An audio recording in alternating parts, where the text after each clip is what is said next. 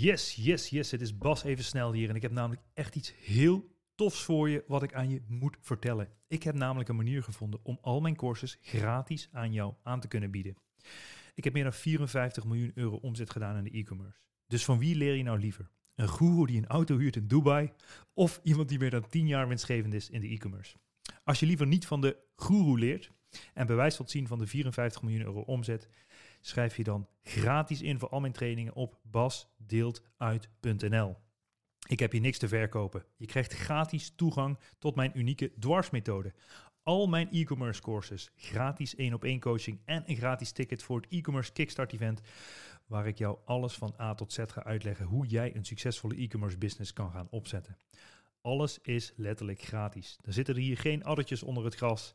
Dit wordt namelijk mogelijk gemaakt door een subsidie die jij ook geheel gratis en kosteloos kan aanvragen. Je hoeft zelf niks voor te schieten en normaal kost dit pakket 2000 euro. Schrijf je snel in op basdeeltuit.nl om gratis toegang te krijgen tot dit hele spektakel. Ik zeg veel plezier met het luisteren van deze podcast en tot snel. Ciao, ciao. Dames en heren, vandaag uh, Martijn van den Berg in de Ondernemen op Zippers podcast. Martijn wist helemaal niks over geld en een paar jaar geleden had hij zelfs nog een grote schuld van meer dan 30.000 euro. Uh, en toen hij slim wilde investeren om geld te gaan verdienen om onder andere zijn schuld af te lossen, werd hij opgelicht.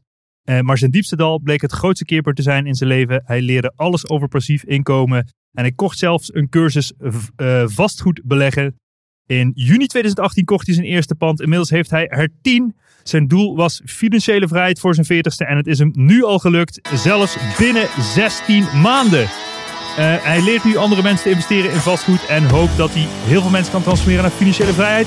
Martijn, welkom. Yes, dankjewel.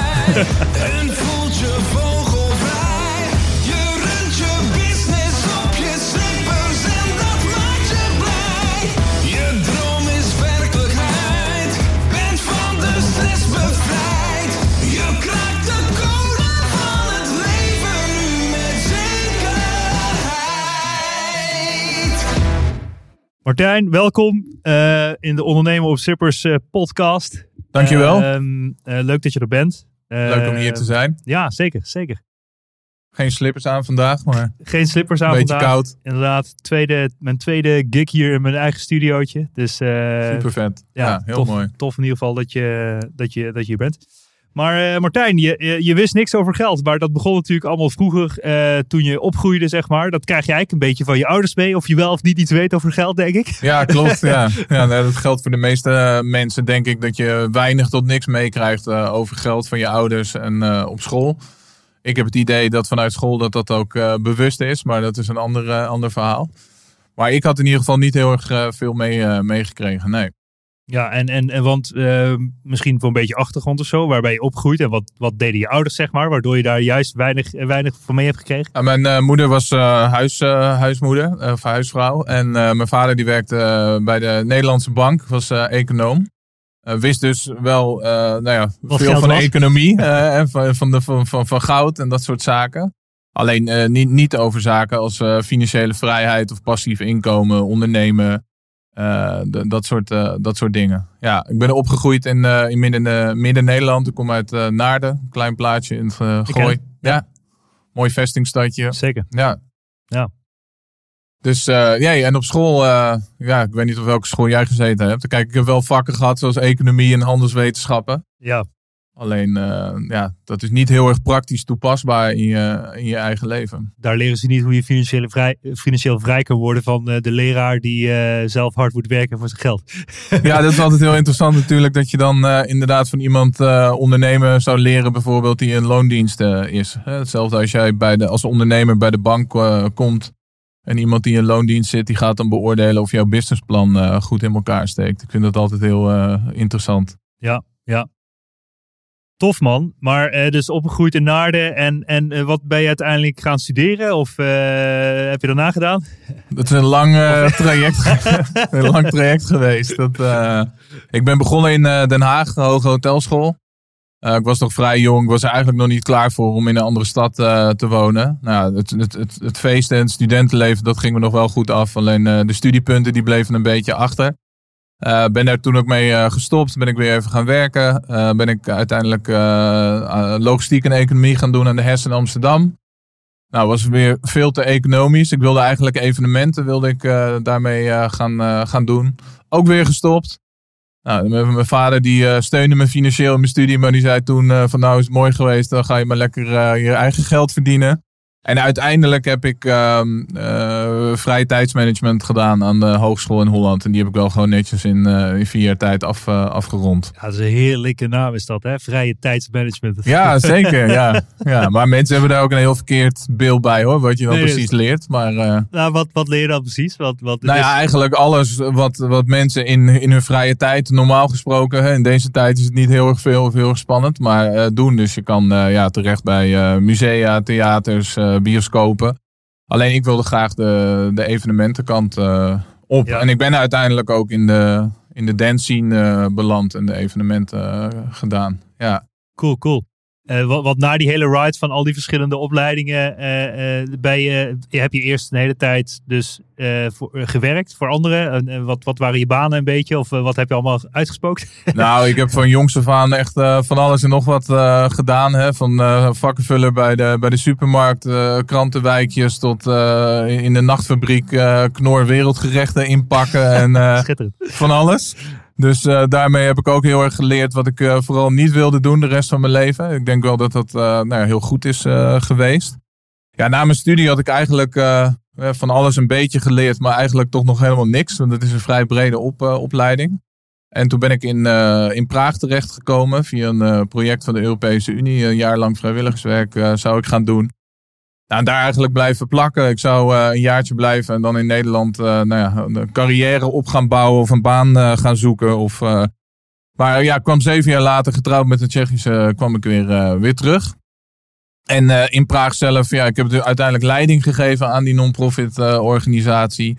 Dus ik ging echt in hele korte tijd van vrijwilliger naar leidinggevende. En uh, ik heb in de sales gezeten. En uiteindelijk van 2013 tot oktober vorig jaar, oktober 2019, uh, eh, in de, in de dance-evenementen gezeten. En was mijn baan om nou ja, de halve wereld rond te vliegen en een concept te verkopen. En vervolgens te zorgen dat het nou, via ons, volgens onze maatstaven allemaal werd uitgevoerd qua marketing en productie. Oh, wauw, cool. En, en was het een bekend iets geworden? Of, uh, nou ja, de, de, de, evenementen die we deden uh, waren shows in, We hebben drie keer Australië gedaan, China, Thailand. Uh, de thuisbasis is dus Praag in Tsjechië. Ja. maar die evenementen zitten meestal rond de 18.000 mensen. Dus dat was best wel, best wel groot. Er waren bezoekers die vanuit 100 verschillende landen ter wereld dan naar Praag toe vlogen om dat evenement mee te maken. Oh, wauw. Ja. Dus je hebt ook superveel gereisd voor die job dan? Ja, eh, ja eh, dat is ook wel waar, echt... waar ben je al geweest? Uh, nou ja, dus, dus Australië, China, uh, Thailand. maar reizen is sowieso een grote passie van mij. Dat is voor mij echt het, het ultieme gevoel van vrijheid. Mm, wordt nu iets lastiger natuurlijk met de huidige corona en ook de tweeling die we sinds acht maanden hebben. Oh, wauw. Ja, maar we willen toch gaan kijken hoe we dat hun mee kunnen geven. En hoe we, totdat ze naar school toe moeten, uh, ja, dat uh, weer, weer wat kunnen gaan, uh, gaan reizen. we hebben bijvoorbeeld ook een huwelijksreis gemaakt van acht maanden, dertien verschillende landen aangedaan. Cool. Dus ja, alleen voor die feesten was het vaak echt nou ja, in en uit. we gingen daar met name voor, voor werk heen. Maar soms konden we er wel een paar weken aan vastplakken. Zijn we bijvoorbeeld van, van Thailand uh, drie weken op uh, reis gegaan in Nepal. En, uh, ja. Super cool man. Ja. Maar je hebt dus een tweeling van acht maanden, zijn net even tussen neus en lippen door. Ja. is het nog een beetje slapen of valt het tegen? voor mij wel. nee, ik slaap er redelijk goed, goed doorheen. Maar het is, ja, de dag begint een stukje eerder tegenwoordig. Ja, rond half zes is het meestal wel. ja, zijn jongens, meisjes? Een jongen en een meisje. Oh, wauw. Dat is eigenlijk de, perfecte combinatie. Dus. Ja, koningsstel of koningspaar noem je dat geloof ik. Wauw, wauw, wauw. Mooi man. Ja, nou ja, tot ze vijf zijn of leerplicht hebben, kun je natuurlijk nog uh, mooie dingen doen. Als corona een beetje toelaat natuurlijk, of de wereld, laat ik het zo zeggen. Ja. Uh, we hebben ook met, toen we er twee, inmiddels heb ik ook zelf drie, maar toen we er twee hadden heb ik ook drie maanden lang op Bali gezeten. Weet je, ja, gewoon het leven als een gezin en dat soort plekken is gewoon echt perfect. Ja, mensen zeggen vaak denk ik van hè, dan als je kinderen hebt dan kan dat niet meer. Of dan word je er heel erg in beperkt. Maar ik denk dat dat echt toch heel erg afhangt van hoe jij er zelf in staat. Zeker. En, en ja, volgens, volgens mij, ik hoop toch echt dat dat gewoon nog mogelijk is. Nee, en zeker ook al gaan ze wel naar school, weet je. Ze hebben leerplicht, dus dat betekent niet dat je ze ergens anders ter wereld naar een school mag sturen. Hè. Dus ik heb ook een vrienden van mij, die heeft ook, uh, die, heeft ook, die heeft ook een paar kinderen. En die waren wel wat ouder, maar toen, die, is toen iets van uh, acht maanden in Zuid-Afrika geweest of zo, weet je. En dan, ja, dan kunnen kinderen daar naar school en uh, jij kan een beetje ja. je ding doen. Ja, dat is echt top hoor. Maar uh, wel tof man, dat je zoveel gereisd hebt en uh, veel hebt gezien in ieder geval. Uh, maar goed, die... die voor maar, je... maar er, er, is nog heel veel te, te ontdekken. Dus ja. ja. de wereld is best groot. Dus ja. ja ik hoop nog, nog heel veel te zien ook. ja. Nee, maar uh, dat ging natuurlijk allemaal niet vanzelf. Hè? Dus uh, ik heb net ook uh, in je introductie gezegd. op een gegeven moment, ja, je wist eigenlijk niks over geld. En op een gegeven moment had je een, een, een schuld opgebouwd. leg me eerst uit hoe je die schuld hebt opgebouwd. en daarna gaan we het verhaal transformeren hoe je eruit bent gekomen. ja, nou, ik, ik, was ook toen ik jong was altijd wel goed in, in ondernemen en geld verdienen. Alleen ik was nog beter in het uitgeven van geld. Vooral aan, nou ja, achteraf gezien vrij nutteloze dingen. Hè, spullen waarvan je dan denkt van had ik ze echt nodig? Of wat heb ik daarmee gedaan? Uh, ook veel geld uitgegeven aan ervaringen, aan reizen. Tijdens mijn studententijd was ik echt zo van, ja goed, ik heb nu wel de tijd en uh, de energie, maar ik heb niet uh, het, het geld. Dus dan leen ik dat maar om nou, in ieder geval het maximale uit deze periode te halen. Maar goed, het resultaat was op een gegeven moment een schuld van 30.000 euro. Ja, inderdaad, bij de, bij de IB-groep en bij een stukje bij mijn vader en bij de, bij de bank. Um, dus ja, heel vervelend. Hè? Schuld is natuurlijk, uh, geeft stress. Daar wil je graag vanaf. En mijn vrouw die zei ook tegen mij van Martijn. Ik had, ik had in het begin van onze relatie had ik dat niet verteld. Het is niet iets wat je op je eerste date vertelt. Maar als je het dan ook niet op de, de tweede of de derde vertelt. Ja, dan op een gegeven moment uh, wordt dat... Uh... Maar ze was er natuurlijk achter gekomen. En ze zei van Martijn, voordat we samen onze toekomst kunnen bouwen... wil ik dat die schuld weg is. Dus dat gaan we, gaan we oplossen. Ja, Wauw. En dat was een beetje jouw drijfveer. Dus bij jouw eerste date uh, heb je gevraagd of zij wilde betalen? Of, uh... nou, mijn vrienden lopen daar wel eens over te dollen. Ja, dat, uh, dat ik een golddigger ben. En omdat ik had altijd vriendinnetjes in het verleden die al een eigen appartement hadden. En ik had zelf eigenlijk helemaal, helemaal niks. Dus die zeiden van, wat is jouw openingszin? Van, heb je een eigen woning? Ja? Oké, wil je wat drinken van me? dus um, ja, Mooi man. Maar ja, toen had je dus op een gegeven moment had je die schuld van, uh, van 30.000 euro. Zat je een beetje op je hoofd te krabben van, hey, hoe kom ik hier nu af? En, en toen? nou, toen dacht ik, laat ik voor de verandering eens een keer slim zijn. En die rente die we natuurlijk betaalden bij de, bij de IB-groep, of Duo heet het tegenwoordig, die is natuurlijk heel erg laag. Ja, hoe hoog was die toen de tijd nog? Of is dit 1, okay. 1, nog wel procent of zo, oh, geloof ik, uit mijn hoofd. Bij mij was het rond de 4 uit mijn hoofd of zo. Dus uh, toen. Uh, misschien dat het iets meer was. Maar, maar was hij, hij was heel erg laag. Dus ik dacht van, nou ja, goed, als ik nou een keer slim ben en, en ergens in beleg of, of iets investeer wat een hoger rendement heeft, dan gaat het sneller en dan kunnen we hem in één keer aflossen en dan zijn we er vanaf. Nou, ik had ondertussen iemand leren kennen in Praag. Dat was een Nederlander die werkte bij een nou ja, financieel uh, kantoor. Die kende mijn situatie. Hij wist wat het doel was uh, van de belegging. En uh, nou, die zei dat hij het perfecte product voor me had. Ik heb mijn huiswerk gedaan. Ik heb gevraagd voor referenties. Dat waren allemaal managing directors bij grote bedrijven. Ik heb hem gebeld van, joh, wat vind je van het product en wat vind je van deze adviseur? Die waren allemaal heel erg te spreken. Ja.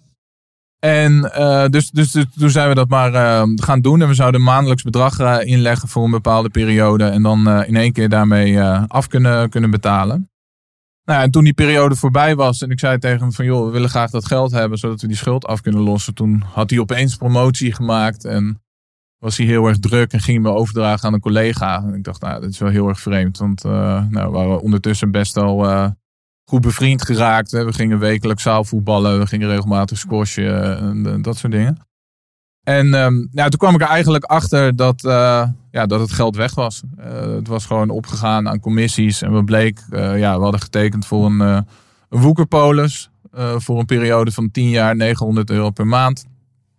Waar we oh. dus aan vast zaten. Wat ik normaal gesproken natuurlijk op die leeftijd nooit gedaan had. Als je graag kinderen wil krijgen of een huis wil kopen.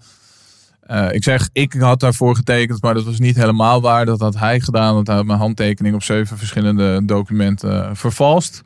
Voor een commissie van 750 euro. Ik hoop dat hij er heel gelukkig uh, Jeetje man, dat is toch niet normaal. mee geworden is.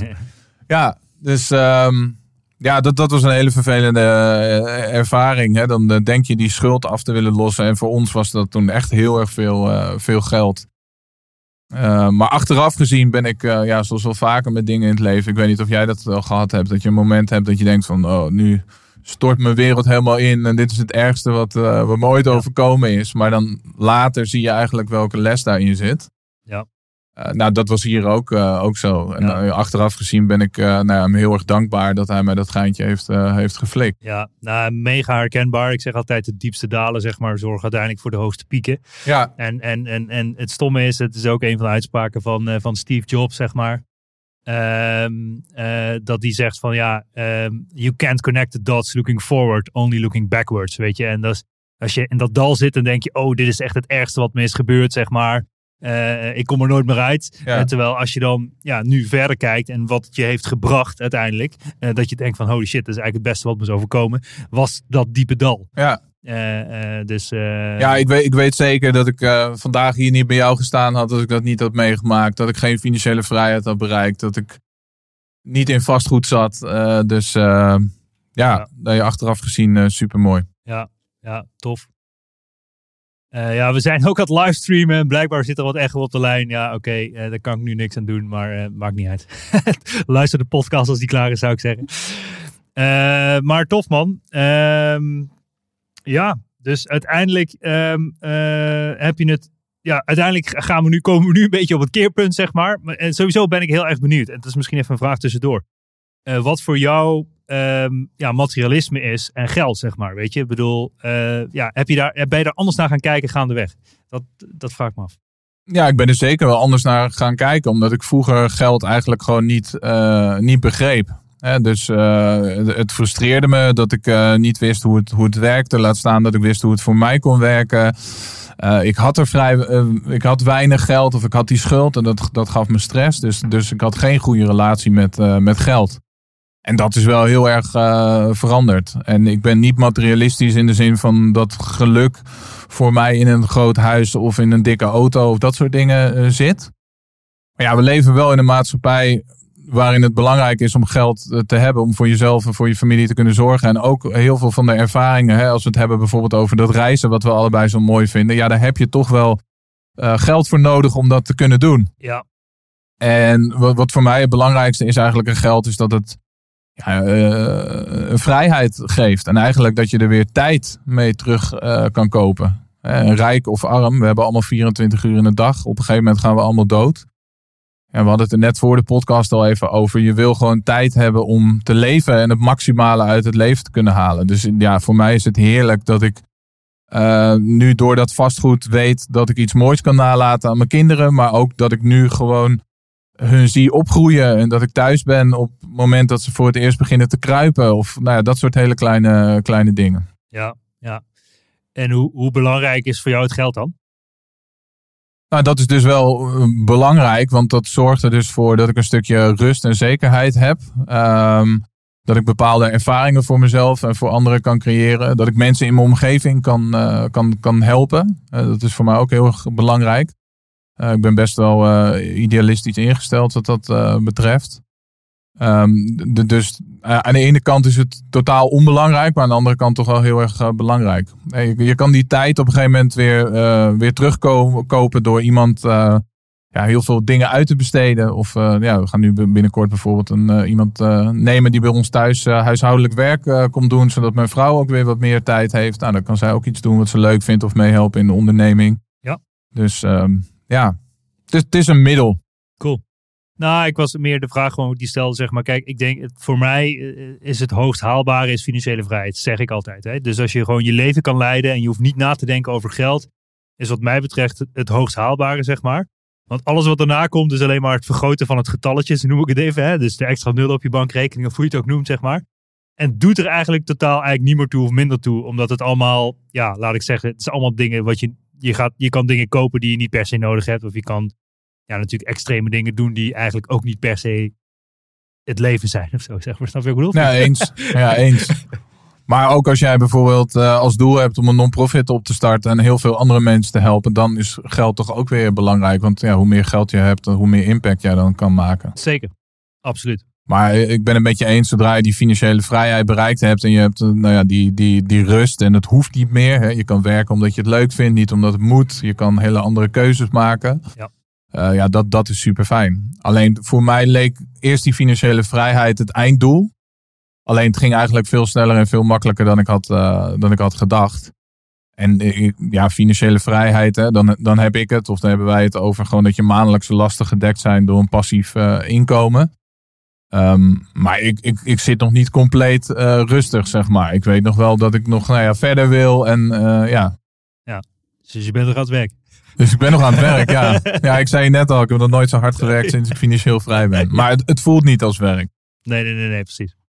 Ja. Nee, dat is mooi. Maar, en ik denk ook, ik geloof erin dat we op deze wereld allemaal iets komen brengen en niet iets komen halen. Dus, eh, en, en dat vind ik ook mooi wat jij doet. Uiteindelijk heb je zelf eh, toch wel een korte tijd, en daar gaan we het daar natuurlijk wat langer over hebben, ja, geleerd hoe je financieel vrij kan worden. En dat leer je nu aan andere mensen. En dat is toch wat je komt brengen in deze wereld. Dat je uiteindelijk eigenlijk een mega impact maakt op iemand anders zijn leven. En ik geloof erin dat dat uiteindelijk hetgeen is wat we hier komen doen. Om een impact te maken op andere mensen en die letterlijk iets te brengen. Uh, ondanks dat dat vaak begint met een investering van de andere kant natuurlijk. maar ja, nee, ja, goed, dat, dat, dat is ook uh, logisch lijkt mij. Um, ja, inderdaad, die impact. En, en dat, dat miste ik ook een beetje op een gegeven moment met die dancefeesten. Ik dacht eigenlijk van ja, wat ben ik nou aan het doen? Het klonk voor heel veel, veel mensen natuurlijk als een droombaan. Hè? De wereld rondvliegen en feestjes organiseren. En dat was het in veel opzichten ook. En uh, ik ben super blij voor alle ervaringen die ik daar heb opgedaan en de mensen die ik heb leren kennen. Alleen het voelde voor mij soms ook wel een beetje leeg. Uh, kijk, zo'n en zo'n zo'n evenement, het gaat super snel voorbij. Je bent een paar maanden achter je telefoon en je laptop ben je daarmee bezig. En, en de avond zelf is, is, is zo voorbij. En het is een stuk ja, afstandelijker. Ik las alleen dan zeg maar de comments van mensen achteraf. Of je hoorde hier en daar van mensen. Hey, van, het was echt super. Ja. Maar ja, of je daarmee nou echt een. een, een, een en je, je, organiseert natuurlijk een super gave avond voor mensen. Even een uh, escape uit uh, nou ja, de, dagelijkse leven, zeg maar.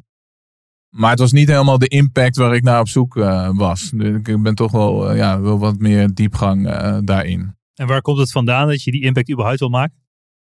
Nou, ik denk omdat wat jij net zegt, dat, dat, dat, je, dat iedereen hier op deze wereld is met een bepaald doel en een missie om, om andere mensen te, te, te helpen. En voor mij is dit echt een, een lange zoektocht geweest naar die financiële vrijheid om dat allemaal te begrijpen. En ja, nogmaals, het is niet iets wat we leren op school van onze ouders.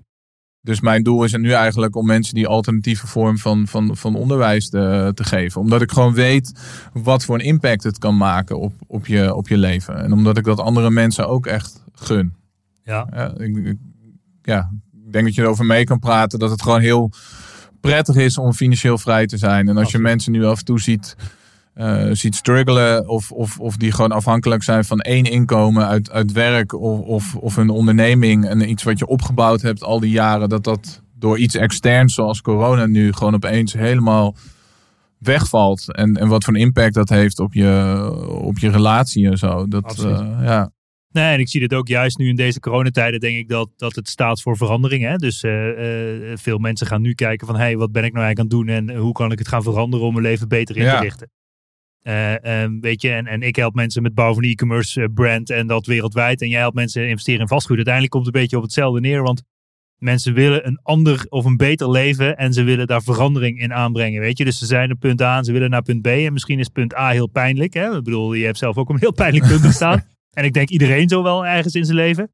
En, en dat dit juist de tijd is om die verandering zeg maar in te starten, denk ik, in deze coronatijden. Dat je dus uh, dat dit juist de tijd is om die verandering. Uh, nee, ik hoop echt dat mensen dit moment uh, aangrijpen daarvoor. Hè? Kijk, het is natuurlijk heel makkelijk om zielig in een hoekje te gaan zitten en te zeggen van oh, het is allemaal zo slecht en lastig. En gewoon ja, een beetje als een verstijfd en geen actie te ondernemen. En op die maatregelen en zo, daar hebben we verder ja, hebben we geen, eh, geen invloed op. Alleen er zijn gelukkig wel heel veel dingen die je wel zelf kan doen. En ik zou echt. Hè, we, we zitten hier natuurlijk al een, tijdje in. Dus ik hoop dat mensen dat al echt gedaan hebben de laatste uh, maanden. Maar heb je dat nog niet gedaan, gebruik deze tijd echt om gewoon uh, kennis op te doen. Om, om, om tijd en geld in jezelf te investeren. En eigenlijk misschien een nieuwe versie van jezelf uh, te ontdekken en, en, en, te ontwikkelen. Ja. Waar je de rest van je leven van zal uh, profiteren. Dit is echt zo'n zo'n zo'n kantelpunt ja, je kan van deze crisis gebruik maken of, of, ja, en er echt wat, wat moois mee doen. Ja. ja, dat is wel tof, weet je. En ik zie ook gewoon dat een investering in jezelf is nooit een verloren investering. Want op een gegeven moment weet je iets of kan je iets en daar heb je de rest van je leven profijt van, zeg maar. Nee, dat ben ik helemaal met je eens. Kijk, ik heb nu best wel wat uh, vermogen opgebouwd en een, een, een, leuke beginnende vastgoedportefeuille. die wil ik nog heel erg uh, veel gaan, gaan uitbouwen. En uh, ik hoop dat mijn kinderen hem dan dat weer naar de next level brengen, et cetera. Uh, hun kinderen die zullen het dan waarschijnlijk verknoeien, hè? dat zeggen ze altijd. Uh. Ja, volgens mij is het zelfs de eerste generatie al die dus, dus eigenlijk jouw tweeling, dus die geeft waarschijnlijk al jouw geld als jullie het opbouwen al uit. Nou, ik ga er wel voor zorgen dat ze dat niet kunnen doen. nee, inderdaad. Dus ze moet even een smart contractje maken, ja. de, de blockchain. Met een beheerder, een uh, stichting. Of, ja. ja. Nee, dat, dat is niet, niet de bedoeling. Ja. ja. Ja, nee, uh, precies. Maar dat is wel, ja, goed, dat is ook, uh, daar hadden we het in het begin ook al voor. Als je de quote 500 bestudeert, zeg maar, dan zijn de grootste, nou ja, de grotere eindbazen in de quote, zeg maar, zijn vaak uh, vastgoedgasten. Ja. Die gewoon het spel snappen hoe je dat kan compounden, zeg maar. Ja, maar ik denk dat eh, als je die financiële vrijheid wil bereiken, uh, misschien is voor de een het middel uh, e-commerce en voor de ander vastgoed. Dat maakt eigenlijk ook niet uit. Nee. Ik denk wel dat het helpt altijd als je iets doet wat je leuk vindt. Dus als jij het heel erg leuk vindt om e-commerce te, te, doen, dan ja, gaat het werken wat makkelijker. Ja. dan, daarom spreek ik altijd van een passie-inkomen, niet van een passief inkomen. Mooi. Dus uh, je moet ook zeker niet uh, passief zijn om dat passieve inkomen te bereiken. Je, je moet er tijd en energie in steken. Het komt ja. niet aanwaaien. Ja. Maar als je eenmaal die systemen, die geldmachines gebouwd hebt, dan wordt het ja, passief. Ja, wat laten we eerlijk zijn, weet je, vastgoed klinkt niet heel erg sexy, weet je. Het is een slow mover, het is langzaam, weet je. In een business gebeurt elke dag wat, eh, altijd wel brandjes te blussen, weet ik het al wel. Ja, vastgoed, op een gegeven moment heb je wat pandjes die verhuur je. En eigenlijk, ja, bedoel, meer dan dat, natuurlijk, als de, de cv-stuk gaat, moet je misschien uh, iemand er naartoe sturen of wat dan ook. Maar eigenlijk is het niet heel erg sexy of zo, of hoe zie jij dat? Nou, ik kijk daar toch anders tegenaan. ja, nee, wel. Nee, ja, ik, ik, ik dagelijks als ik ergens rondloop of rondrij, uh, kijk ik op een hele andere manier tegen vastgoed. En als jij vastgoed op een andere manier kan, kan lezen en kan zien wat voor mogelijkheden en kansen dat biedt, dat vind ik wel degelijk heel erg sexy. Ehm en het is ook echt een people's business. En dat vind ik wat het voor mij sexy maakt of leuk. Is dat je gewoon elke dag met mensen bezig bent. Of dat nou is met een, uh, een, makelaar of met je aannemer of, of met, met, met huurders. Uh, je bent de hele tijd met mensen bezig. Dus je investeert eigenlijk, ja, uiteindelijk investeer je in stenen. Maar eigenlijk investeer je ook gewoon in mensen, in, in, in je team om je heen. Uh, die, ja, dat, dat, dat vind ik het leuke eraan. En dat, die nieuwe vastgoeddeals zoeken. Uh, onderhandelen, dat, dat, dat, dat vind ik het sexy maken. Ja, tof, tof. Uh, nou ja, het lijkt mij interessant om een beetje de, de, de, de, de stappen te lopen, zeg maar. Weet je, dus uh, mens, stel mensen hebben helemaal niks of uh, ze hebben al een business. Ik geloof als ondernemer, zeg maar, dat vastgoed in de mix in je, nou ja, hoe je het ook noemt, portefeuille moet zitten. Moet erin zitten, ja. ook om, ja, gewoon een stukje risicospreiding, hoe je het ook noemt. Pensioenopbouw, dat is iets wat veel ja. ondernemers natuurlijk niet hebben of vergeten. ZZP'ers. ja. ja. Nee, en, en, en bedoel, ja, het hoef ik jou natuurlijk niet uit te leggen. Maar ja, je hebt goede schulden en slechte schulden. En de slechte schulden die moet je zelf afbetalen. De goede schulden die betalen andere mensen voor jou. dat is toch waar we het een beetje over hebben in het vastgoed. Ja. Uh, maar oké. dus... dat is wel, die ken ik trouwens nog niet. ja. de, slechte schulden moet je zelf afbetalen. Ja, en de goede ja, schulden betalen. Ja, als jij in een huis hebt waar je zelf in woont. en je moet elke uh, maand geld betalen om daar te wonen. Ja, dat is een slechte schuld, want die moet je uit je eigen zak betalen. Maar uh, ja, bedoel, uh, uh, als jij een, een, pand hebt die iemand anders afbetaalt, ja, dan heb je een pand van whatever, twee ton die in 30 jaar helemaal vrij is waarschijnlijk. En heeft iemand anders jouw schuld afbetaald. Ja. ja dus dat is een goede schuld, toch? Nee, maar het, het verschil tussen goede en slechte schulden, dat was me bekend. Alleen de manier waarop jij het zei, van de ene moet je zelf afbetalen ja, en de ander wordt afbetaald. Ja, ja, ja, ja, Nou ja, precies. Dat noemen ze in het Engels dan een beetje verschil tussen liability en een asset. Zeg maar. Dus die liability die kost je geld en die asset die levert geld op. Ja. Maar, dat is ook, maar oké, okay, uh, uh, neem ons even door de stappen heen. Uh, waar start je als je in het vastgoed wil beginnen? Ehm, bij het begin. Bij het begin. en, en, ja, nou ja, ik ben gewoon heel erg benieuwd, zeg maar, voor, voor heel, heel praktisch dat, dat mensen er ook iets mee nou ja, kunnen. mijn advies zou zijn, als, als eerste stap, ga eerst eens kijken of je het echt leuk vindt. Oh ja. En of je het begrijpt. Als jij iets begrijpt en je vindt het leuk, dan wordt het een stuk makkelijker. En ga eerst ook echt eventjes toch wat tijd en geld in jezelf en je kennis investeren. En dat, je zei net al van nou, die kennis die wordt je nooit meer afgenomen. Dat heb je altijd in je rugzak bij je. Ja. Dus daar profiteer je altijd van. En leer van de mensen die het zelf succesvol doen. Ja, neem, maar, neem een mentor en volg iemand die al gedaan heeft wat jij wil gaan doen. En die dat al bewezen heeft. En ik, ik snap niet waarom mensen toch zo vaak de uh, nood hebben om het wiel zelf opnieuw uit te gaan vinden. Terwijl er andere mensen zijn die dat gedaan hebben. Kijk, ik heb ook uh, cursussen gevolgd bij andere mensen. En ik heb een vastgoedmentor genomen. En natuurlijk is dat even een investering qua tijd en qua geld. Maar daardoor kan je daarna zoveel sneller gaan. Je voorkomt het maken van dure fouten. Ja, vastgoed is hartstikke mooi. Het uh, kan als je het goed doet heel erg veel geld opleveren. Maar je speelt wel met, uh, je bent wel met redelijk grote bedragen bezig. Ja. Dus die, dat is de eerste stap. Uh, doe kennis op. Precies. En dat is echt de, de fundering. Ja, nou, we hadden het er net voorheen over. Van, er zijn niet heel erg goede boeken in ieder geval om hierin te verdiepen. Of hoe zou je, hoe zou je die kennis opdoen? Nou, ik heb Eh, destijds, uh, hè, nadat ik dus aandelen, crypto, alles bekeken had en de rijken had geanalyseerd en erachter kwam van, nou ja, vastgoed, dat wordt voor mij het middel om financiële vrijheid te behalen. En ik kwam erachter dat ik het ook heel erg leuk vond. Mhm. En al wat mensen in mijn omgeving kenden die er ook mee bezig waren. Ja, toen ben ik uh, voor zover mogelijk wat, uh, wat boeken gaan lezen. En dat zijn wel vaak dan Amerikaanse boeken of buitenlandse boeken.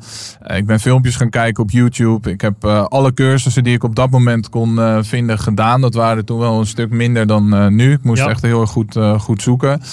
En ik heb dus een vastgoed mentor genomen. Um, dus, dus ja, dat, dat zijn goede, goede eerste stappen. Ja. Vervolgens zou ik gaan kijken. En mensen die hebben het idee dat je voor vastgoed heel erg veel geld nodig hebt. En eigenlijk dat het alleen voor de rijken is weggelegd. Ja. En natuurlijk is het veel makkelijker als je een, startkapitaal hebt. Alleen ook als je dat niet hebt, zijn er wel degelijk mogelijkheden om toch vastgoed uh, in te gaan. Precies. Het zou mooi zijn als je voor, ik noem hem even Jan de Wandelman. Dat is uh, Jan de Wandelman verdient een modaal salaris. Ja. Hoe gaat Jan starten in de, in de vastgoed? Hoi Jan. Uh, hoe gaat Jan starten in vastgoed? Nou, heel veel mensen die kijken dan naar hun bankrekening en die denken van, ja, maar hier kan ik niks mee. Hier kan ik niet mee vastgoed in. En dat is ook een tip die ik wil meegeven als jij bepaalde doelen wil bereiken in het leven. En ik zie dat dat heel vaak uh, die fout gemaakt wordt. En ik snap het ook wel. Mensen kijken vanuit wat ze hebben en wat ze daarmee kunnen. Maar je moet veel meer denken vanuit wat je wil en dan vervolgens hoe je dat mogelijk gaat maken. Mm. Kijk, dat jij het geld niet hebt om vastgoed in te gaan, wil niet zeggen dat het geld er niet is. Er is nog nooit zoveel geld geweest in de wereld als op dit moment. Er zijn de laatste maanden weer triljoenen zijn er uh, bij gecreëerd, ja. bij gedrukt. Laten we vooropstellen dat geld de grootste illusie ter wereld is. Want uh, ja, uh, iemand kan het uit het niets creëren. Ja, dat, dat is een ander verhaal. Hè, van, van wat, is de, er alles voor. Wat, wat is de echte waarde nog van, uh, van geld op, uh, ja. op dit moment? En is dat, uh, is dat systeem wat we nu kennen, is dat houdbaar voor de, voor de lange termijn? Maar dan ja. dwalen we een beetje, een nee, beetje dat maakt niet uit. We gaan het nu in ons voordeel gebruiken. Dus we gaan het nu in ons voordeel gebruiken, ja precies. Nee, maar dus eh, kijk niet alleen naar je bankrekening. Kijk, veel mensen, als jij naar de muren in je woonkamer kijkt, dan zitten voor heel veel mensen, kan je allemaal bankbiljetten daar zien. Want heel veel mensen in deze markt hebben natuurlijk een gigantische overwaarde op hun woning. Mm -hmm.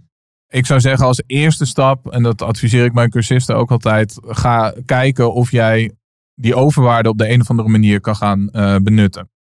Je krijgt op dit moment natuurlijk een hartstikke goede taxatie. De marktwaarde is heel erg hoog. Rente is uh, nog nooit zo laag geweest. Je leent nergens zo goedkoop geld als op je eigen huis. Je moet natuurlijk die overwaarde wel kunnen benutten hè, op basis van leencapaciteit. Dus misschien kan je niet alles eruit halen. En ga dan eens praten met je, met je eigen bank waar je nu je hypotheek hebt. Of je daar een tweede of een, een, een ander hypotheekdeel bovenop kan krijgen. En mocht dat niet kunnen, mochten zij daar niet in mee uh, willen gaan in zo'n uh, consumptieve hypotheek. Ja, dan is het misschien interessant om te kijken of je naar een andere partij kan. Maar dan heb je wel met boeterente te maken. Maar dat, dat, dat is een goede eerste, eerste stap. Maar moet je niet voor, als je commercieel vastgoed in wil gaan, in, in box 3 gaan investeren in dat vastgoed in plaats van in box 1? Of. Ja, maar het mooie is dus, uh, als jij dat geld uit je eigen woning kan halen en die overwaarde kan benutten, mm -hmm. dan krijg je dat geld gewoon op je bankrekening gestort. Mm -hmm. En dan kan je dat vervolgens gebruiken telkens als eigen inleg in combinatie met een beleggingshypotheek om beleggingsvastgoed aan te kopen. exact, in box exact, 3. Exact, oké. Okay. En, en uh, want stel, ik wil een pand aankopen van, uh, laten we even makkelijk getallen doen, van een ton of zo. Uh, en ik heb uh, 30.000 overwaarde uit mijn woning gehaald. Dan doe ik dat als aanbetaling gebruiken. En die andere 70% ga ik lenen bij een commercieel vastgoedbank. Ja, precies. Ja, wat je zelf moet inleggen altijd, hè, dat is het verschil tussen de, de LTV, de loan to value, de, de, de, hypotheek zeg maar, die je hebt op de woning. Dus je, je eigen, eigen inleg, zeg maar. Mhm. Plus daarbovenop de, de kostenkoper en de eventuele verbouwing. Dat, dat moet je aan eigen middelen moet je dat inbrengen. Ja, nou, wat ik dus afvroeg van hoeveel procent uh, moet je zelf meenemen? Dat, dat wisselt heel erg welke vorm van financiering jij kiest. Uh, en, en wat je strategie is, wat je doelen zijn. Um, maar denk gemiddeld aan een. Uh, ja, je, je, je, je kan bij sommige partijen tot 80, 90 procent kan je lenen. Zelfs tot 100 procent bij crowdfunding. Dat is wel weer een andere vorm van financiering. Ook iets duurder, maar in principe prima om mee te, uh, mee te beginnen. Hè, om een portefeuille op te bouwen. Mm -hmm. um, dus dus dat, dat wisselt uh, heel erg. Oké, okay, dus eigenlijk laten we zeggen tussen de 60 en de 90 procent of zo financiert de bank. En dat andere geld moet je zelf inleggen. Klopt. Als je in een box 3 wil investeren. En je, neemt, maar, je, je kan je overwaarde opnemen. En wat, welke checklist? Oh ja, nee. Uh, nee, stel je hebt dat niet. Stel je hebt en geen spa, spaargeld op de, op de bank. Hè, want ook als je geld op de bank hebt staan. Het kost je alleen maar geld om het daar te hebben staan. We hebben het niet alleen over de rente. Maar ik heb het over de grootste belasting die we elk jaar met z'n allen betalen. En dat is de ja? inflatie. Juist. Um, en dus, dus zet dat geld aan het werk als je spaargeld hebt. Of kijk of je overwaarde hebt. Uh, ja, heb je dat niet, ook dan zijn er nog steeds heel veel mogelijkheden om vastgoed in te gaan. Kijk, ik had die tien panden ook niet gehad als dat was puur op, op uh, eigen, eigen geld. Mm en dus dan, maar dan moet je wel wat creatiever uh, gaan zijn. Maar als jij de juiste kennis hebt en je vindt mooie vastgoeddeals, en die zijn ook in deze markt, ook al is de markt heel erg oververhit, zijn die nog steeds te vinden. Als je weet waar je moet zoeken en hoe je dat moet onderhandelen en waar je op moet, moet letten. Mhm. Als jij een goede vastgoeddeal hebt, dan is daar altijd iemand bereid om daarin te investeren. Juist omdat heel veel mensen op dit moment nou ja, op zoek zijn naar een, een stabiele en goede belegging die wat rendement maakt. In plaats van hun geld op een bankrekening te hebben staan. Alleen die mensen die hebben vaak niet de tijd, niet de kennis dus ik heb bijvoorbeeld twee woningen uh, aangekocht met een, uh, een JV-deal, een joint venture deal. Hè? Nou ja, dat, dat, dat, zijn woningen waar ik dus 0 euro en eigen geld in heb zitten. Maar waar ik wel voor 50% eigenaar ben. 50% van de waardestijging meepak en 50% van de huurinkomsten krijg elke maand. En dat is 500 euro netto per maand wat daar overblijft. En 500 euro gaat naar de JV-partner. met 0 euro eigen geld. Ja, cool. Dus dat, dat is een manier. Maar, maar de, dus voor de mensen die dat principe willen snappen met 0 euro eigen geld. Dus ik eh, klop bij jou aan. Ik zeg, nou, koop jij een pand voor me? Ik heb geen geld. Koop jij het? Ik wil de helft van de winst. dat, dat, is de joint venture? Of hoe moet ik, hoe moet ik het voor Ja, nou goed. Ik, ik, ik zeg altijd wel... Eh, van, van zorg wel dat je degene met wie je dat gaat doen... dat je die redelijk goed kent. dat je elkaar vertrouwt en een beetje dezelfde strategie hebt. Want een joint venture is wel als een huwelijk. Dus je zit wel echt voor langere tijd aan elkaar vast. Mm Um, dus, dus ga niet met uh, de eerste, de beste persoon die naar je toe komt en zegt van ik heb geld daarmee in zee. Alleen inderdaad, uh, jij zoekt de deal, jij doet het werk, je regelt een eventuele verbouwing als dat nodig is. Uh, coördineren, dat wil niet zeggen dat je zelf het hele pand hoeft op, te, op te knappen. je zorgt dat de huurders inkomen, dat alle papierwerk geregeld wordt. En eigenlijk de JV-partner, het enige wat die ja, die moet een paar keer een handtekening zetten op de, de koopakte en op de, uh, de hypotheekakte. Want een, een, deel financier je gewoon bij de bank. Het is mhm. niet zo dat die JV-partner per se al uh, helemaal cash hoeft, uh, hoeft te kopen. Uh, maar jij doet eigenlijk al het werk. En jouw, jouw kennis, jouw netwerk, dat is jouw, uh, jouw tijd, dat is jouw inleg. Juist, juist. Jij gaat uh, de 35 uh, appartementen bekijken en kijken wanneer er een goede deal komt. En allemaal dat soort dingen. Ah, oké. Okay, okay. ja. Nu snap ik het. Okay. En dat leg je gewoon allemaal netjes voor, formeel vast. Ja. Want, want het deel wat je eigenlijk theoretisch zelf moet inleggen om de rest te kunnen lenen bij een bank, dat deel kun je natuurlijk ook heel erg creatief gaan zoeken met crowdfunding of met hogere rente ergens lenen of uh, je creditcard gebruiken of weet ik veel wat. Ja, inderdaad. Ja, ja. je kan een persoonlijke lening uh, zou je kunnen afsluiten. Dat is dan als je uh, normaal gesproken een slechte schuld, alleen als je het voor dit doel gebruikt, wordt het een goede schuld. Wel zaak, omdat die redelijk duur is om hem zo snel mogelijk weer af te betalen. Maar dat kan je dan uit de huurinkomsten doen. Ja. Um, je, je, kan onderhandse leningen afsluiten bij vrienden of uh, familie. Dat heb ik zelf in het verleden ook uh, regelmatig uh, gedaan. Crowdfunding is een hele mooie manier waarbij eigenlijk het. Ja, welke crowdfund platform zou je aanraden of heb je, heb je ervaring mee? Um, ja, ik heb zelf twee projecten gedaan met Samen in Geld. Mm -hmm. En dat is echt puur gericht op beleggingsvastgoed. Mm -hmm. Um, daarnaast heb je ook nog uh, geld voor elkaar, Colin Crowdfund. Er zijn er verschillende tegenwoordig die ook beleggingsvastgoed uh, doen. En het zijn vaak kortstondige leningen van 36, 48 maanden of zo met percentages tussen de 6 en de 10 procent. Of hoe moet ik het zien? Nou, zo extreem duur is het gelukkig uh, niet. het zit uit mijn hoofd, het wisselt een beetje, maar ergens tussen de 4,5 en 7 procent. Valt mee. Um, maar er zijn verschillende schijven, bijvoorbeeld bij Samen Geld, waar mensen in kunnen investeren. De eerste schijf is 60% en nou ja, het laagste rendement, maar ook het laagste risico. Want stel jij voldoet niet aan je verplichtingen, dan krijgen zij als eerste hun geld terug bij executieverkoop. Hoogste schijf, hoger rendement, maar iets hoger risico. Want als de woning minder oplevert dan het leenbedrag, dan kunnen zij fluiten naar hun uh, geld. Maar tot nu toe gaan al die projecten goed en is er geen, uh, geen default wat dat betreft. Hebben die mensen hypotheekrecht dan, die uh, die crowdfund meedoen? Nou ja, de, het, uh, de, het, het crowdfunding platform die, die fungeert als, de, als de bank, zoals je dat normaal gesproken zou hebben. En die hebben gewoon inderdaad hypotheekrecht. Oh, je crowdfund je hele woning dan op die manier? Ja. De hele oh, woning. niet alleen de aanbetaling. Ik dacht, nee, nee, helaas. Nee, ik krijg vaak ook van cursisten de vraag van, hey, kan ja. ik dan 70, 80 procent bij de bank ja. lenen en de rest bijlenen bij een crowdfunding? Uh, de, dat gaat helaas niet. Ah, want okay. uh, kijk, de bank die wil graag eerst de hypotheekrecht. En de hypotheek die zij inschrijven is vaak hoger dan het echte leenbedrag. Hè, om een stuk zekerheid en extra kosten en dat soort dingen in te bouwen. Um, en dat geldt ook voor, de, voor, voor, de, voor, de, voor het crowdfunding platform. Dus dan financier je de hele woning tot 100% in sommige gevallen. En ja, ik heb uh, één woning, er zitten 82 investeerders in. Een andere woning uh, 111. En uh, nou ja, heel, veel zitten erin met 250 euro. En sommige rijke families die leggen 20.000 euro in. Oh, wauw. Dus is dit voor jou een veel gebruikte methode om je vastgoed te financieren? Of gebruik je nu veel meer overwaardes en leverage van de bank dan?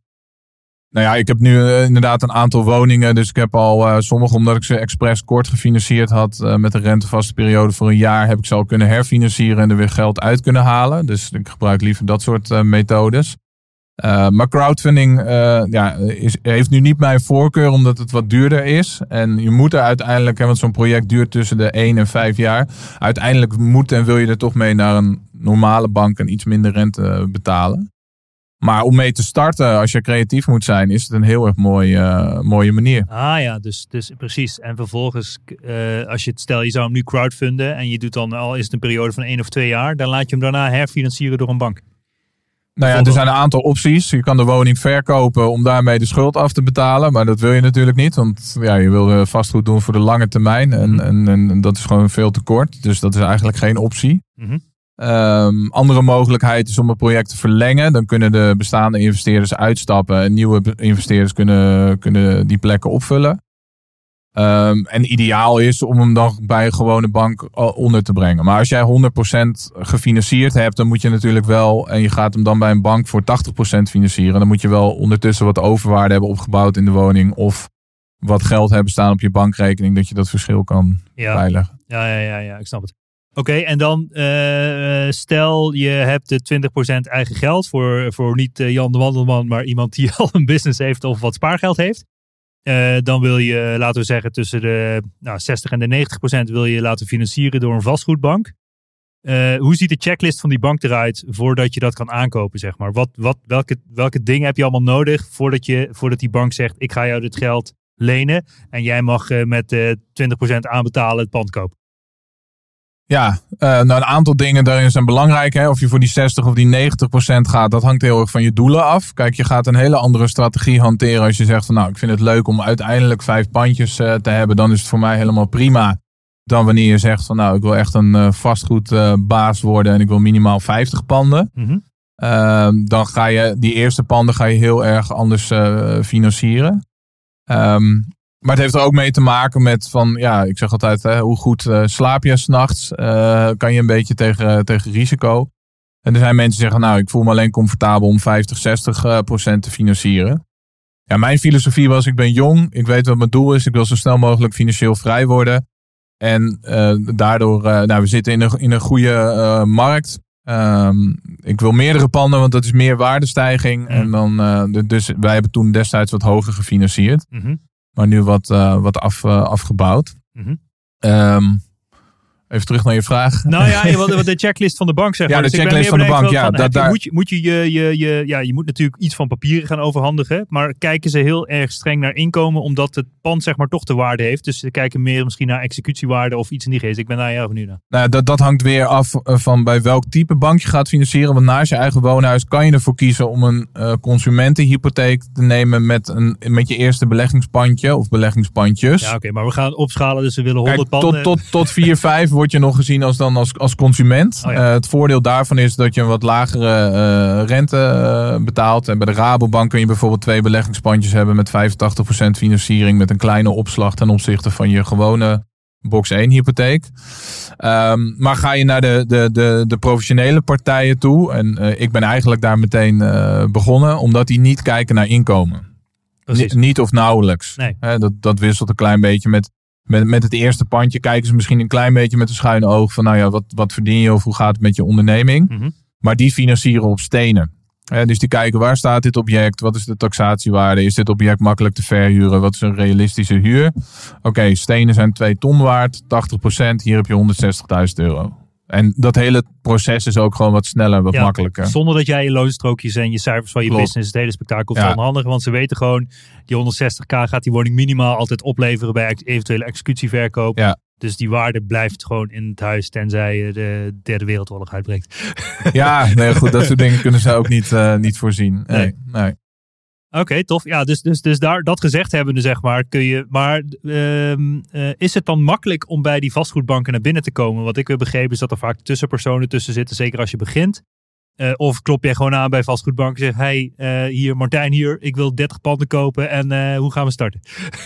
nee, dat, dat is dus wel wat anders. Hè. Je, je, eigen hypotheek die kan je gewoon zelf regelen. Dan, dan kan jij gewoon bij de, de hypotheker of bij de lokale bank het filiaal binnenlopen of even een afspraak maken. En dan heb je daar gewoon een, een afspraak. Ja. en dat kan je gewoon zelf regelen, want dan is eigenlijk nou ja, vaak ook de hypotheekadviseur van de bank is jou, kan jouw adviseur zijn bij uh, beleggingsfinancieringen, uh, beleggingshypotheken werkt dat anders. En dan moet je via een hypotheekadviseur moet je naar binnen toe. En dat heeft er gewoon vooral mee te maken dat zij gewoon willen dat die dossiers gewoon compleet en netjes worden aangeleverd. En die hebben geen zin om de hele tijd met jou te vragen van kan je dit nog even sturen of dit mist of zo. Dus, dus je moet via een adviseur naar binnen. En ik zou je zeker adviseren om dan met een specialist in zee te gaan die eigenlijk alleen box 3 financieringen van vastgoed uh, doet. Dus niet iemand die en box 1 en box 3 doet. En hè, een beetje als een klusjesman die zegt dat hij uh, alles wel een beetje, een beetje kan. Ja. Maar gebruik daar gewoon echt een, uh, een, specialist voor. En via die partijen kan je dan naar binnen. Er zijn een paar uitzonderingen waar je het wel rechtstreeks kan, kan regelen. zoals RNAB. Maar over het algemeen moet je via een hypotheekadviseur. Ja, en heb je dan, gebruik je zelf continu dezelfde club? En, of kun je iets aanraden? Of, eh, en, wat zijn, en wat zijn de commissies die dat soort gasten pakken? Daar ben ik even nieuw naar. Um, de commissie is vaak een uh, soort van uh, nou, opstartkosten. Denk aan 500, 750 euro om eerste gesprekken met jou te doen, een dossier aan te maken. En vervolgens is het gewoon een percentage van de, van de financieringssom. Ja, met een bepaald minimumbedrag. Precies. Maar je zit wel snel met dit soort financieringen nou ja, tussen de 2500 en, en, en 4000 euro eh, per object wat je, wat je financiert. Ja, en dan is ongeveer uh, uh, een minimaal bedrag van 2500 euro of 1% van je aankoopwaarde of zo. Of wat zijn een beetje de percentages waarmee wordt gerekend in die markt? Um, ja, dat wisselt inderdaad ergens rond nou, bijvoorbeeld 1, nog wat, wat, wat procent. Um, om jouw vraag van net nog even te beantwoorden. Ik werk wel vaak met dezelfde adviseurs, maar niet altijd met dezelfde uh, banken, dezelfde financiers. Want ook daarin vind ik het belangrijk om uh, spreiding te hebben. Je kan het risico in vastgoed kan je op diverse manieren spreiden. Dat is door in verschillende steden te, te kopen, door bij verschillende banken te financieren, door verschillende soorten huurders te hebben. Ik heb bijvoorbeeld, ik verhuur een uitzendbureaus ook. Maar had ik alleen maar een uitzendbureaus verhuurd en de economie gaat slecht. Of met corona bijvoorbeeld. En die mhm. uitzendbureaus die hebben geen werk meer. En dus ook geen huisvesting nodig voor hun werknemers. Ja, en in één keer staan al je panden leeg. Mm dat is niet heel erg uh, goed. Dus ik verhuur bijvoorbeeld aan nou ja, Nederlandse werkende stelletjes, aan expats, aan uitzendbureaus, uh, studenten zou je aan kunnen verhuren. Zo kan je ook, ook spreiden. Ja. Maar zeker ook bij, bij je financiers. En interessant, en, en, en ik vind het wel interessant dat je zegt vuur en uitzendbureaus. Wat is dan die reden? Is dat dan dat je een relatief hogere huur krijgt voor, omdat er buitenlandse mensen in zitten die hier wonen en werken? Of wat is de reden voor jou dat je via een uitzendbureau... Dus het uitzendbureau huurt van jou en zij verhuren het aan mensen die voor een bedrijf werken? Ja, inderdaad is het om hun werknemers te, te faciliteren. Meestal heb ik dan uh, heb je woningen met vier slaapkamers en zetten zij in elke slaapkamer uh, gewoon één uh, werknemer. Oh ja. En waarom ik aan hun verhuur is omdat het gewoon heel prettig is om één aanspreekpunt te hebben. Je werkt met een bedrijf. zij betalen altijd gewoon netjes van, van, van één rekening. Um, en inderdaad, de, je, je kan met, met, met uitzendbureaus en maar ook uh, kamerverhuur aan studenten, daar maak je wel de mooiste, de mooiste rendementen mee. En dat is ook mooi om te zien hoe iemand met dezelfde woning, door het aan een andere doelgroep te verhuren, een heel ander rendement kan maken. Oh, wow. Okay. Want ik zou die woning, ik verhuur die woningen dan voor, voor 2000, 2100 euro in de maand aan een uitzendbureau. Ja, als je zo'n woning aan een gezin verhuurt, dezelfde woning, ja, wat, wat kan je realistisch dan, dan vragen? Zoals, zoals 1200 euro is natuurlijk al, al heel veel geld voor een, voor een gezin. Oh, wauw. Dus als we dan in, in termen van rendement, uh, jaarlijks rendement uh, praten in, in dat soort uh, panden die je verhuurt aan een uitzendbureau, dat, wat voor percentage praat je dan? Nou, ik weet niet of de, de bar je wat zegt, de bruto aanvangsrendement. Nee. Oké, nou dat is eigenlijk uh, gewoon de, de, uh, de, de jaarhuur, uh, bruto jaarhuur gedeeld door de, door de koopsom, de, de, de investering. Mm -hmm. um, ja, wat je vaak ziet bij beleggers 5, 6, 7 procent. Nou ja, in mijn geval, als je dan um, voor een laag prijs aan weet te kopen en goed weet te verhuren, dan moet je denken aan een bar van 13 procent, 15 procent. Maar wat ik het allerleukste en het allerbelangrijkste vind, is de return on investment. Dat je gewoon kijkt van hoeveel eigen geld heb ik ingelegd en hoeveel rendement uh, maak ik daar uh, op. Ja, dan zit je zeker ergens tussen de 20 en de, en de 30 procent. Ja. Maar bij zo'n JV-deal, waar je 0 euro eigen geld inlegt, dan heb je een rendement van 1600 procent bijvoorbeeld. Wauw. Maar bizar man. Maar dus als ik even, ik, ik, wil even weten of ik het zelf goed begrijp. Dus stel mijn uh, bar is tussen de, tussen de 12 en de 15 procent. Dat betekent eigenlijk dat mijn jaarhuur, zeg maar, of dat mijn pand eh, tussen, eh, ja, laten we zeggen, de zes en de acht jaar volledig wordt terugverdiend door de huur. Zo zou je dat inderdaad ook uh, ja, kunnen zien. Als je, ja. je bedoel, je betaalt natuurlijk rente en er zijn kosten en dat ja. soort dingen, maar dat, dat, dat zou het ja. Op moeten leveren dus. En dan heb je ook nog de, de, de, de factor, hè, dat is eigenlijk de, nou ja, de, de, de koopsom gedeeld door de, door de jaarhuur, dat je kan kijken van, nou ja, goed, uh, hoe lager de factor, hoe, hoe beter weer de, de, de deal, zeg maar. Ja. Ja. ja. ja zo zijn er best wel wat uh, nou ja, formules en, en rendementsberekeningen die, die leuk zijn om, om te weten. Alleen, uh, ja, ga alsjeblieft niet je helemaal doodstaren op Excel-bestandjes en alles tot het oneindige doorrekenen. En uh, ver, verzand niet in Analyze Paralyze. Mm -hmm. Uiteindelijk moet je het gewoon gaan doen. Ja. En, en we, we hebben nu niet de tijd om een week na te denken en te rekenen of je een deal wel of niet wil kopen. Want dan is iemand anders er gewoon al lang mee, uh, mee vandoor. Ja, want dat, dat was de volgende vraag die ik wilde stellen. Waar vind je je deals? En wanneer besluit je wanneer je toe hebt? Want bedoel, je hebt natuurlijk uh, executieveilingen. Ja, je kan, bedoel, als het op Funda staat, ben je vaak al te laat of zo. Heb je echt een netwerk nodig van makelaars die zeggen van, hey, ik heb een interessant beleggingspandje voor je. Uh, kom binnen. hoe doe jij dat? Ja, Funda in principe niet. Um, want, want daar zijn heel veel uh, kapers op de kust uh, die allemaal voor dezelfde woning gaan. Nou ja, gevolg is dat iedereen tegen elkaar op gaat bieden. En je hebt natuurlijk beleggers, starters, alles, alles door elkaar. Woningen op Funda, ja wel misschien als je voor jezelf zoekt om zelf te wonen. Maar als beleggingsobject heeft dat zeker niet mijn voorkeur. Er zijn soms uitzonderingen als je goed zoekt. Maar kijk dan bijvoorbeeld van wat staat er al 30 dagen of meer te koop. Of wat kan ik vinden in heel Nederland tussen de 80 en de 130.000 euro. Nou, dan zie je of hele dure garages of, uh, of, of kleine vervallen huisjes uh, die misschien wel kansen uh, bieden. Um, dus Funda is, niet, niet ideaal. Nou ja, waar dan wel? Ja, je netwerk. vertel zoveel mogelijk mensen dat je vastgoedbelegger bent, waar je naar op zoek bent, in welke steden, voor welke bedragen, hoeveel slaapkamers. zet dat op social media. vertel het aan, aan, aan mensen. Uh, maar ook je netwerk inderdaad met, uh, met makelaars. Alleen dan moeten ze niet met de deals aankomen die ook op hun website en op Funda staan. Maar als ze iets hebben waar ze snel van af moeten of, of wat niet heel erg mooi is om in de etalage te zetten. Ik heb deals via, als je eenmaal een appartement hebt, ga naar de VVE-vergaderingen. Daar, daar vind je andere vastgoedbeleggers, maar ook uh, nou ja, huiseigenaren. Misschien vertellen ze wel van dat ze graag willen verkopen. Via je huurders, uh, iemand in de kroeg, de kapper. Als jij hun vertelt van joh, als je wat vindt, ik geef je 1000 euro, 1500 euro als ik die deal uiteindelijk koop. Ja, waar ik zelf en mijn cursisten ook het meeste resultaat mee hebben behaald, is met, met de flyer.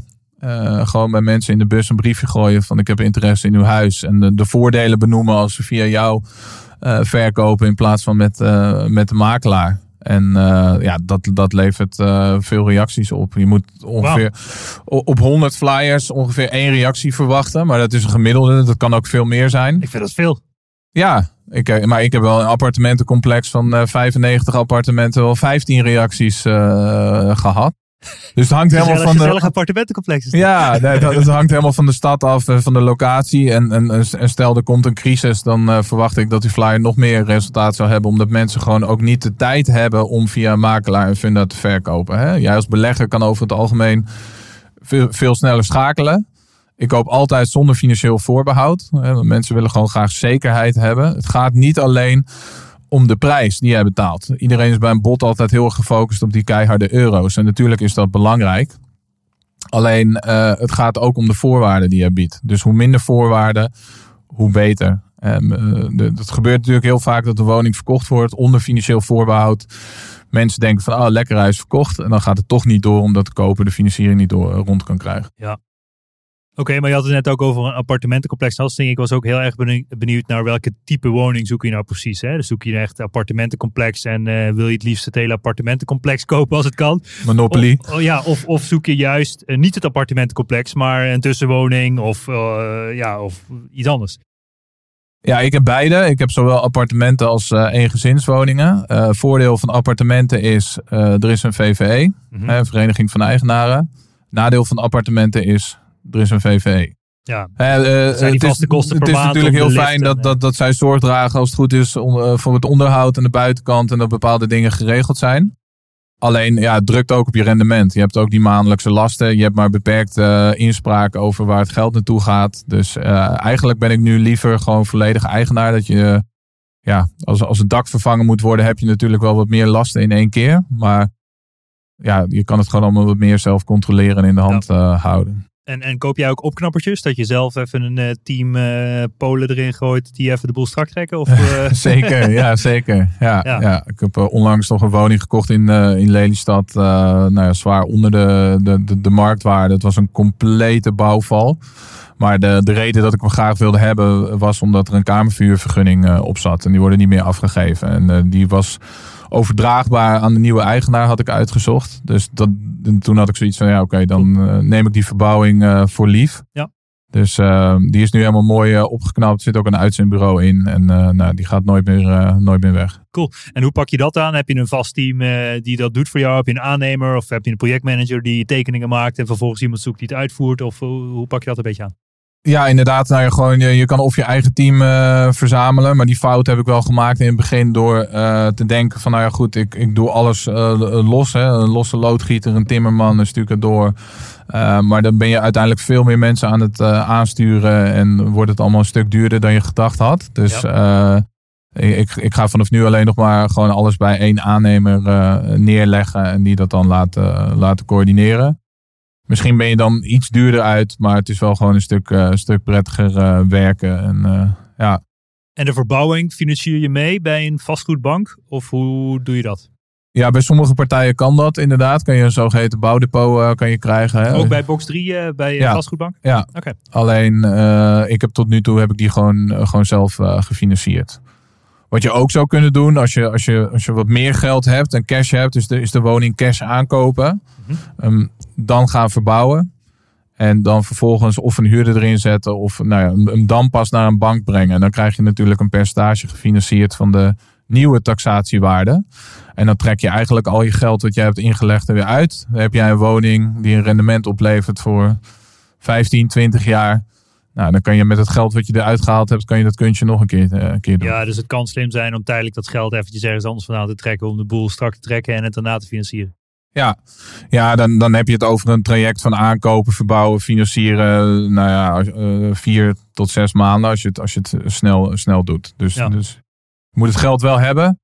Of je kan ook daarvoor een partner, uh, partner zoeken. Denk vooral ook echt van, van uh, zoals jij misschien op zoek bent naar geld, is iemand anders misschien juist op zoek naar iemand met een deal of met, uh, met de kennis. Nou ja, als jij die twee bij elkaar brengt, dan heb je gewoon een win-win situatie. Ja. ja, tof.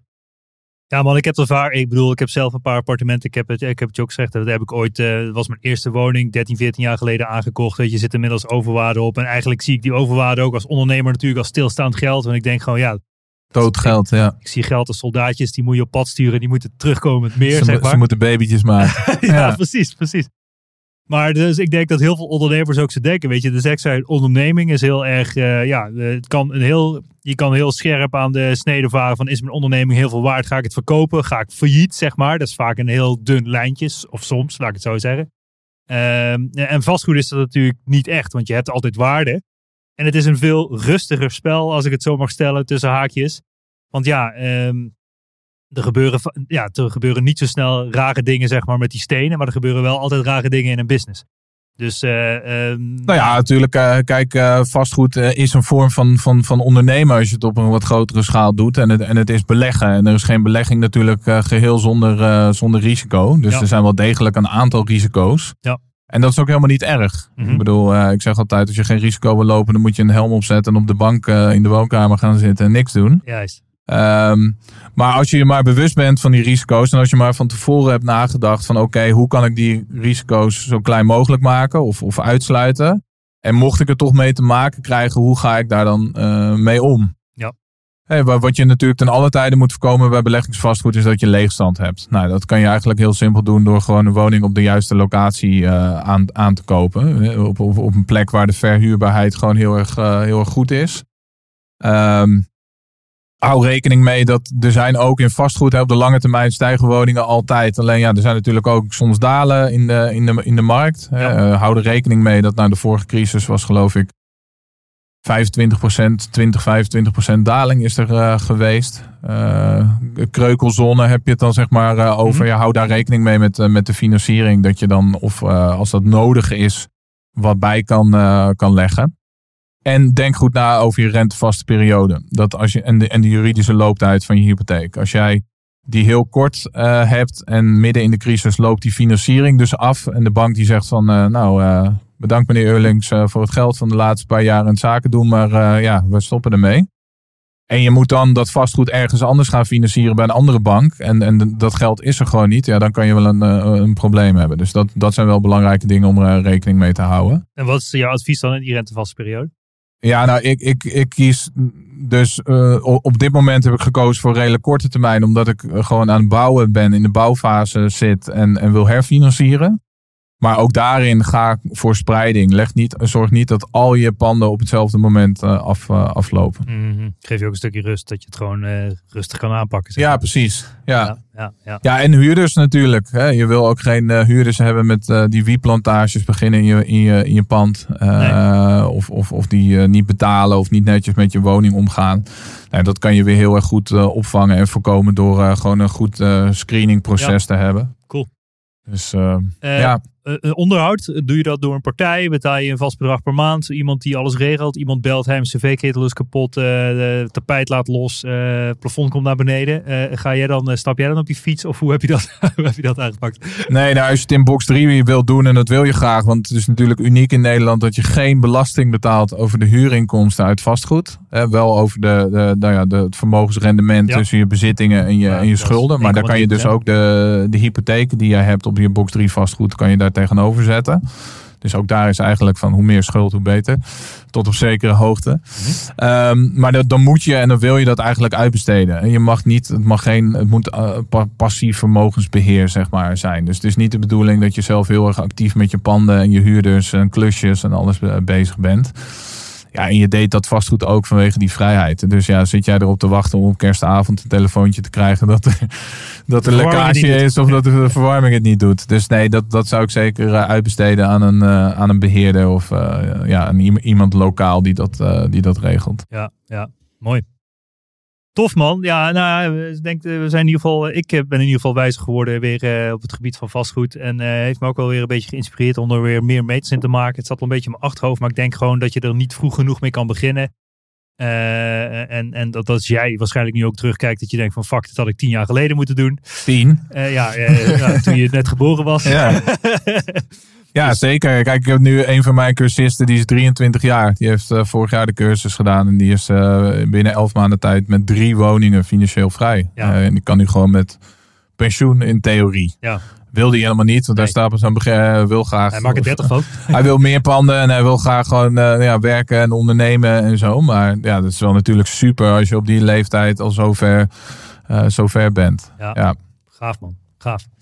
En, en het is ook nooit, je, je kan er niet vroeg genoeg mee beginnen, maar het is eigenlijk ook nooit te laat om ermee te beginnen. Dus denk niet van, oh ja, nu heeft het geen zin meer, dat had ik eerder moeten doen. Precies, precies. Maar uh, ja, ik was er nog uh, met jou over aan praten voordat we, voordat we gingen opnemen. Ik dacht van, hey, uh, nou ja, jij leert andere mensen dus ook dit hele spel. Het investeren in vastgoed. Daar heb je een mooie platform van gemaakt, de Vastgoed Academy.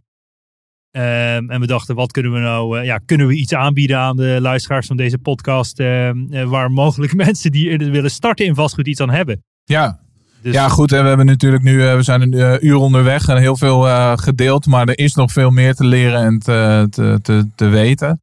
Dus ik ben vorig jaar augustus begonnen met de Vastgoed Academy.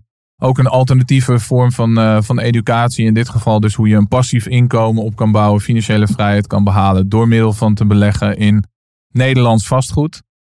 dus ehm, ja, als er mensen zijn die hier graag serieus mee aan de slag willen, die dit echt heel erg leuk lijkt, maar die zeggen van nou, ik heb niet de kennis en ik heb ook niet het netwerk, hè, de community. Dat is ook natuurlijk heel erg uh, belangrijk dat je een groep mensen om je heen hebt die met hetzelfde bezig zijn en die je zeggen van uh, ja Bas, uh, je moet dit pandje kopen in plaats van je familie en vrienden die zeggen van nou, nu is niet het juiste moment, je bent te laat, je moet het niet doen. Allemaal goed bedoeld, maar ja, dat kan best wel invloed hebben op jouw ja. resultaat. Dan, ik altijd het voor mij de goede vlag. Hoe meer mensen nee zeggen, zeg maar, dan ga ik het juist doen. dus. ja, klopt. Ja. Nee, maar wat, wat mensen daarmee aangeven, ze bedoelen het heel goed. Ze willen jou graag beschermen, maar eigenlijk geven ze daarmee hun eigen grenzen aan. En niet de jouwe natuurlijk. Ja. Maar je hebt een platform gemaakt, er zitten allemaal video's in, checklist, uh, community zeg maar. Weet je, ik, ik heb natuurlijk ook een, een, platform op een vergelijkbare manier. Maar wat mensen juist kopen is dat ze dus meer zekerheid krijgen. Dat ze weten welke stappen ze moeten zetten. Dat ze weten hoe de hazen lopen, zoals ik het dan maar zeg. En dat ze dus ook gewoon gebruik kunnen maken van jouw kennis en kunde en het netwerk uh, wat eromheen zit. Om uiteindelijk dit spel te gaan spelen. Wat ze dus veel meer zelfvertrouwen gaat geven in de stappen die ze gaan zetten. Daar komt het op neer, toch? Ja, we hebben gewoon echt, uh, nou ja, ik heb ook natuurlijk uit eigen ervaring uh, wat workshops en cursussen en zo gevolgd en veel kennis opgedaan. Alleen ik miste daar toch ook heel erg veel dingen. met name de, de, de, de, de follow-up, zeg maar, daarna. Hè, de, de, de community eromheen, de mogelijkheid om nog vragen te stellen. Dus daarom heb ik een Facebook eh, community waarin je altijd je vragen kan stellen. En geef ik elke week op maandagavond een uh, coaching call. Vaak ook met interessante uh, gastsprekers. Dus afgelopen maandag hadden we een vastgoedfinancier op de call. nou ja, taxateurs, hypotheekverstrekkers, noem het maar op. Ja, en het idee is eigenlijk ook gewoon met een hele toffe, like-minded community de komende jaren verder te delen en groeien en uh, samen hele, hele toffe dingen uh, te, te, gaan doen. Voor, voor, voor de cursisten zelf, maar ook uiteindelijk om bij te dragen daarmee aan een, aan een mooiere wereld. Ik heb cursisten die willen graag een non-profit op, oprichten om uh, alle dieren in de wereld te redden. Of, ja, ja, tof man, tof. Hey, ik had een paginaatje aangemaakt, ondernemen op slippers.nl slash vastgoed. Ja. Dat moet vastgoed zijn. Uh, dus ondernemen op slippers.nl slash vastgoed. Uh, uh, wat, wat is de deal, Martijn, die, die we onze luisteraars kunnen gaan aanbieden in ieder geval? De deal die we gaan aanbieden is uh, nou ja, de, de, de online cursus bij uh, de Vastgoed Academy. Daarmee krijg je dus meer dan 20 uur aan videomateriaal, wekelijkse coaching calls, uh, de Facebook community. Meer dan 70 documenten in de kennisbank. dus denk, je hoeft niet meer zelf druk te maken over rendementsberekeningen, huurcontracten, koopactes. Dat heb ik allemaal laten maken door een vastgoedadvocaat. Dus je kan er echt van uitgaan dat het ook volgens de juiste wet en regelgeving zo is. En normaal gesproken komen we eens in de nou ja, twee, drie drie maanden komen we bij elkaar. Dus je hebt uh, nou ja, levenslang toegang tot dat hele uh, pakket.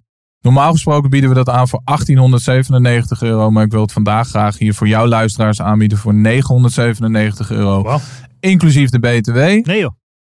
En ik doe het daarnaast ook nog uh, eh, 15 minuten één op één coaching uh, bied ik uh, daarbij aan. Om mensen gewoon eventjes op weg te helpen en wat vragen te beantwoorden. En te kijken van nou ja, wat is nou jouw jouw startpunt, wat zijn jouw doelen? En dan heb je nou ja, een heel mooi begin om eh, met dit avontuur uh, te starten. Superman, nou gaaf. Super, uh, dankjewel voor dit aanbod ook aan de luisteraars. En sowieso, dus wil je starten in vastgoed, dan is dit denk ik het moment. maar ik was net ook ja, al... Nou, best, allemaal... beste moment was 20 jaar geleden, maar als je dat niet gedaan hebt, dan is dit het moment. Ja, ja, want je had het net over al die documenten met huurcontracten, berekeningen, formules en dat soort dingen. Ja, als je naar een, naar een beetje een advocaat gaat die laat een fatsoenlijk huurcontract aan elkaar dragen, dan ben je dit al kwijt, zeg maar. ja, klopt. Of als je één pandje aankoopt, hè, je betaalt al uh, 1000 euro aan de notaris, uh, taxatie, uh, hypotheekadviseur. Dus ja, ja zeker een goede investering om, om te doen en om hiermee te starten. Tof. En Tof. ja, kijk er naar uit om met je luisteraars uh, aan de slag te gaan. Dus ondernemen op surpers.nl slash vastgoed. Uh, ja, daar kun je je e-mailadres achterlaten en je naam. En dan uh, krijg je wat meer informatie. En je krijgt meteen het e-book, de 12 makkelijke manieren om te starten met vastgoed. Ook als je weinig of geen vermogen hebt. Kijk. Die krijgen ze sowieso. Hoppa. Ja. Nog, nog, nog meer. Ja. Tof man. Super tof. Ja, nou ja, zeker. Nogmaals, het heeft mij ook weer getriggerd om er meer, meer mee aan de slag te gaan. Ik denk dat iedereen uh, er mee aan de slag zou moeten gaan die een financieel vrij leven wil leiden. En uh, ja, vooral een stabiel financieel vrij leven wil leiden. Weet je, ik bedoel, ja, business is gewoon, ja, tenminste, ik zie vastgoed gewoon als iets stabiels. nou ja, het is al zo oud als de, de weg naar Rome. Ja, het, is bewezen. Exact. Uh, ja. Het, het, ja. Is, uh, ja. ja. Ja, en de reden ook dat ik, dat ik, uh, ja, dat het tof is, zeg maar. En ik, ik, ik leer ook zelf altijd van mensen die het zelf doen en ook bewezen hebben gedaan. En weet je, daar ben jij natuurlijk een voorbeeld van, want je bent zelf met één pan begonnen, je hebt er nu tien. Je snapt het spel, zeg maar, en je leert het andere mensen nu. en je hebt heel veel passie om het ook andere mensen uit te leggen. Dus ja, dat is tof. Duizend Nederlanders uh, helpen naar financiële vrijheid. Dat is mijn missie. En uh, hoe, op, uh, op, hoeveel staat de teller? op hoeveel staat het nou, het is, het is lastig, lastig ja. meebaar tot nu toe. Ja. Maar nee, ja. dat is mijn, mijn doel. En dat doe ik door de cursus, maar ook door nou ja, dit soort podcasts aanwezig te zijn of interviews te geven. Dus, tof, tof, tof. Superman, Martijn, nogmaals dank. Uh, ja, ook bedankt. Ja, we hebben, er, uh, we hebben er een mooi gesprek van gemaakt. Ik denk dat we veel informatie hebben gedeeld over vastgoed en alles wat erbij komt kijken. En ook uh, over je fuck-ups. Ja, ook, niet ook belangrijk. Nee, daar, daar leer je het meeste van. Ja, bedankt man. En ja, ik zeg op veel vastgoed. yes, ja ook bedankt. Bedankt voor het luisteren naar de Ondernemen op Slippers podcast. Check voor meer informatie ondernemenopslippers.nl. Tot de volgende keer.